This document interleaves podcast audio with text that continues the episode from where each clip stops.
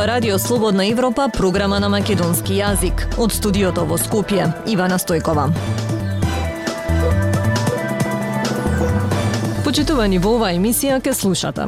Пратениците се вратија од одмор, кои ќе бидат приоритетите на законодавниот дом. Бизнисот бара олеснување на процедурите за фотоволтаици, во спротивно фирмите ќе бидат принудени да стават клуч на врата.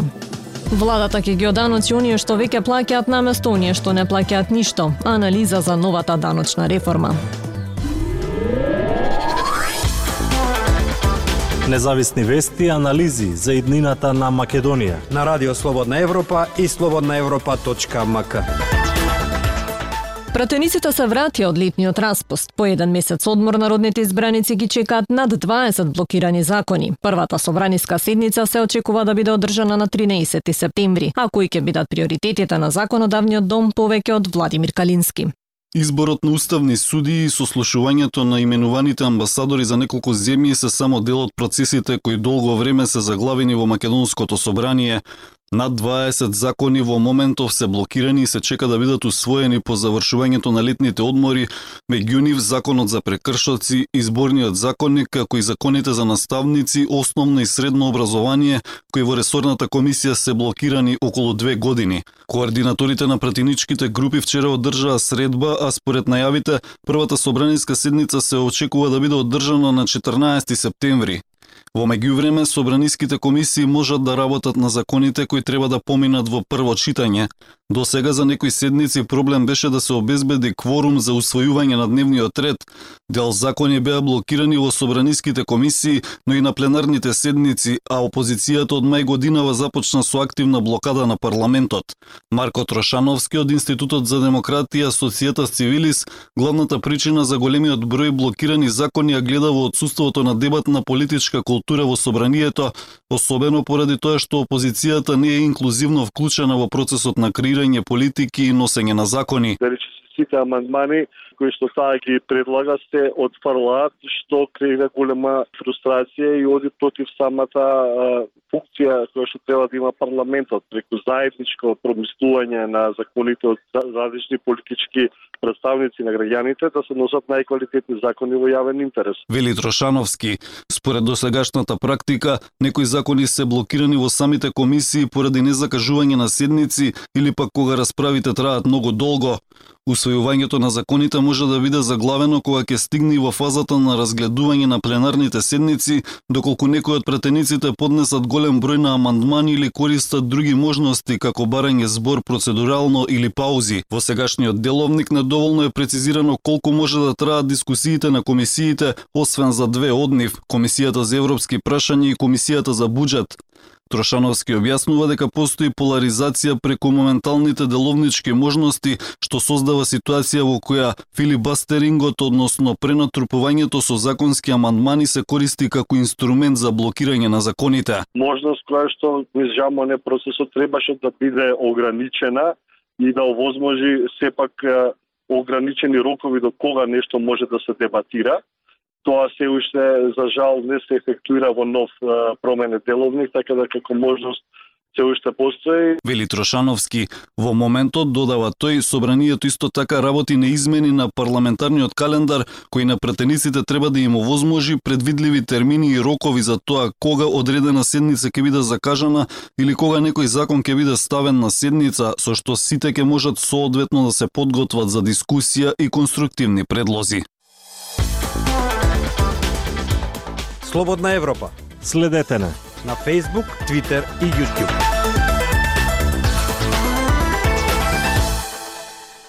Бизнисот и натаму предупредува дека државата мора да ги олесни бирократските процедури за поставување фотоволтаици на фирмите. Во спротивно, многу од нив ќе бидат приморани да стават клуч на врата поради енормно високите цени на струјата. Само годинава над 5000 фирми се веќе згаснати. Тема на Пелагија Стојанчова.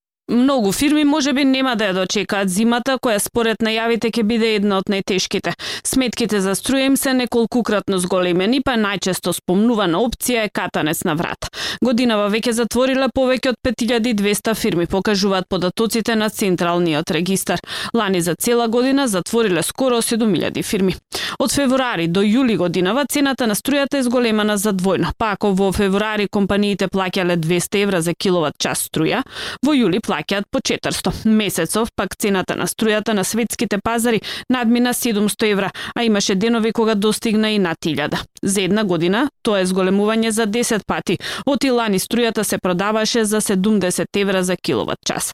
Сончевите централи се еден од начините фирмите да ги намалат сметките за струја, но се жалат на предолга бирократска процедура за да добијат дозвола. На бирократија се жали и бизнисменот Абедин Мурати од Тетово.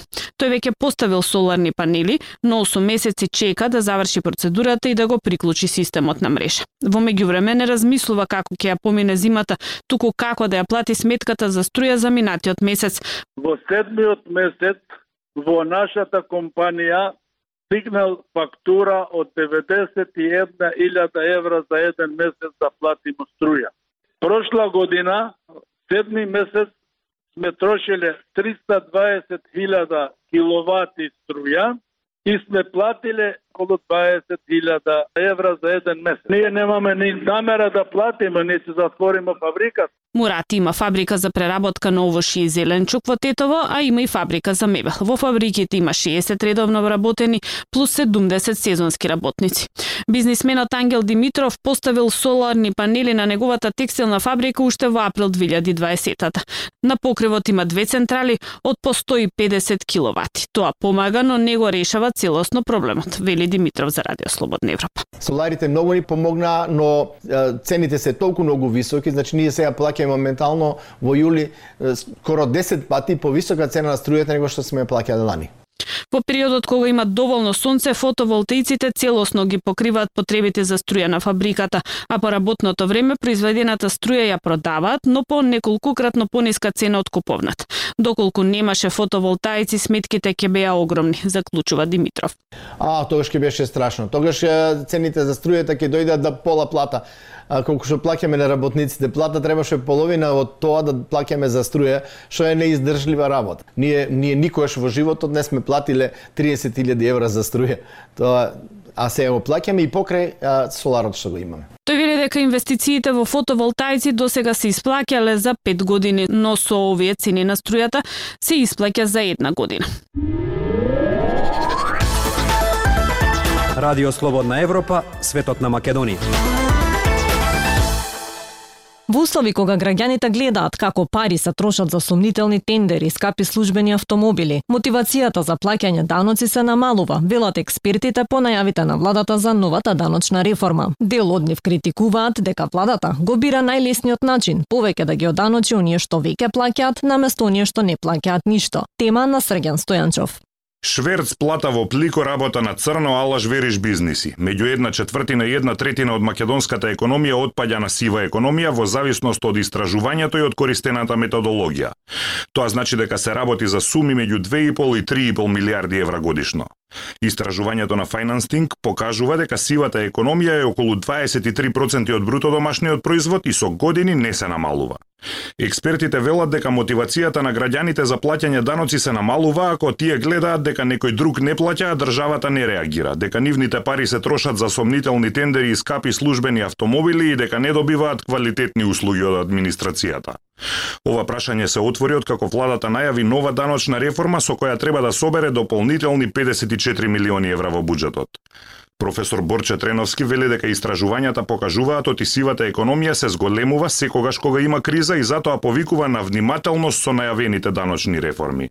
Главни работи за борбата против сивата економија се добри закони и силни институции. Ние се очајни и управата за јавни приходи и општините и така натаму имаат како да кажам за 60% помалку од број на инспектори, обучени инспектори кои би требало да одат на терен. Значи тој дел треба да го фатиме. Треба да влијаеме на моралот, на одговорноста на граѓаните и на ефикасноста на државата. Според истражувањето на Financing, сивата економија во земјава изнесува 23,2% од бруто домашниот производ и скоро цела деценија не се намалува. Благица Петрески од Financing вели дека најголемо намалување на сивата економија има во 2008 година со воведувањето рамен данок и намалувањето на даноците на личен доход. А, тука треба да го напоменеме и даночниот морал односно убедувањето дека на даночните обврзници дека да, ќе плаќам поголеми даноци или ќе ги плаќам, меѓутоа даноците меѓутоа тие средства ќе завршат за развојни цели, а нема да завршат за цели на поединци или на мали интересни групи. Но прашање е како да се зголеми даночниот морал ако граѓаните не веруваат дека нивните пари се трошат како што треба. Професор Треновски вели дека граѓаните треба да се едуцираат што значат даноците, државата да покаже дека се труди да ги наплати од сите подел еднакво и да им понуди добри услуги. Гледате дека последниот извештај на Државен завод за ревизија покажа дека 50 на 30 на милиони евра има на пресметани, а не наплатени во буџетот приходи. Или имате околу 100 милиони евра спорни јавни набавки. Значи ова мора да се реализира, да се види од кај потекнува и на тој начин вие реагирате на намалување на сивата економија. Според анализата на Центарот за истражување економски политики од Лондон, објавено од Светската банка, Македонија во 2018 година имала една од највисоките стапки на сива економија во Европа. Според тоа истражување, поголема сива економија во Европа има само во поранешните советски републики. Култура и уметност на Радио Слободна Европа.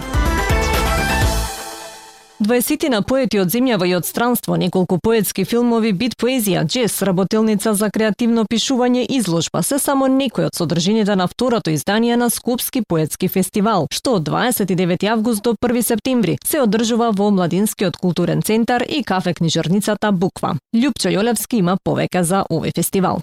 Со тематското поетско читање посветено на бит генерацијата поети, именувано во Здружство на мртвите поети, како битник и джез поезија, овој вторник на 30 август во Младински културен центар официјално започна второто издание на Скопскиот поетски фестивал, манифестацијата што во изминатиот период се очекуваше за нагласено внимание на градот, веќе уморен од летните здодевни вртења во круг и едноличните програми и понуди. Настапија Андреј Аласади, Јовица Ивановски, Делвина Кралуку, Мариета Дукич, Д. Алори, Митко Апостолов, Васко Марковски, Радмила Петровиќ од Србија, Сергеј Тимофеев од Латвија и Марија Велинова, избраната млада поетеса на воведниот настан Одскочна даска, што понеделнички се одржа во Буква. Настанот Одскочна даска може би ми е и највозбурлив од цел фестивал, затоа што се работи за поезија од млади автори кои се на возраст од 16 до 25 години. Преубави стихови кои досега биле скриени од очите на јавноста, синука можеа да се чујат во кафе книжерницата Буква. Што видовме? Младешка полетност и радост која направи да се чувствуваме дека сме на правиот пат. На настанот победи Марија Велинова, која прочита одлични стихови и можам да кажам дека на поведок се гледа моќен женски глас на македонската поетска сцена. Вели Билјана Стојановска, дел од организацијскиот тим на Скопски поетски фестивал. По среда на 31 август со почеток во 20 часот во МКЦ Скопје ќе се одржи интернационалната поетска вечер на која ќе настапат Влада Урошевиќ, Владимир Мартиновски, Радмила Петровиќ од Србија и Сергеј Тимофеев од Латвија. А вечерта ќе заврши со кус поетски музички перформанс на Бранислав Николов или ако милувате Пијан Славеј. Завесата на фестивалот ќе се спушти во четврток на 1 септември во кафе книжарницата Буква со работилница за креативно пишување поезија за млади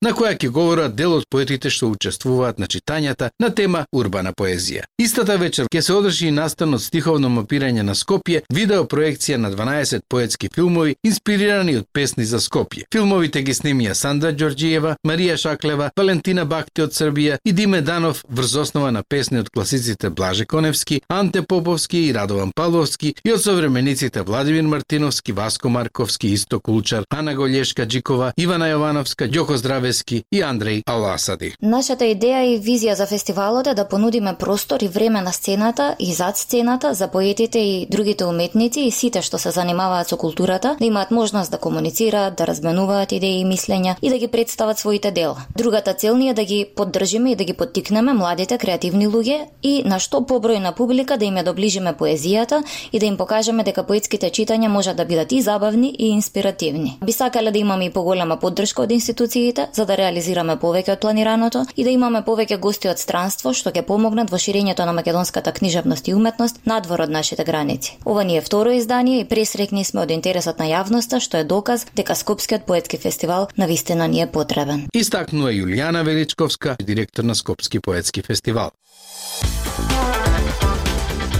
Тоа беше се во вестите на Радио Слободна Европа од студиото во Скопје. Со вас беа Ивана Стојкова и Дејан Балаловски. До слушање.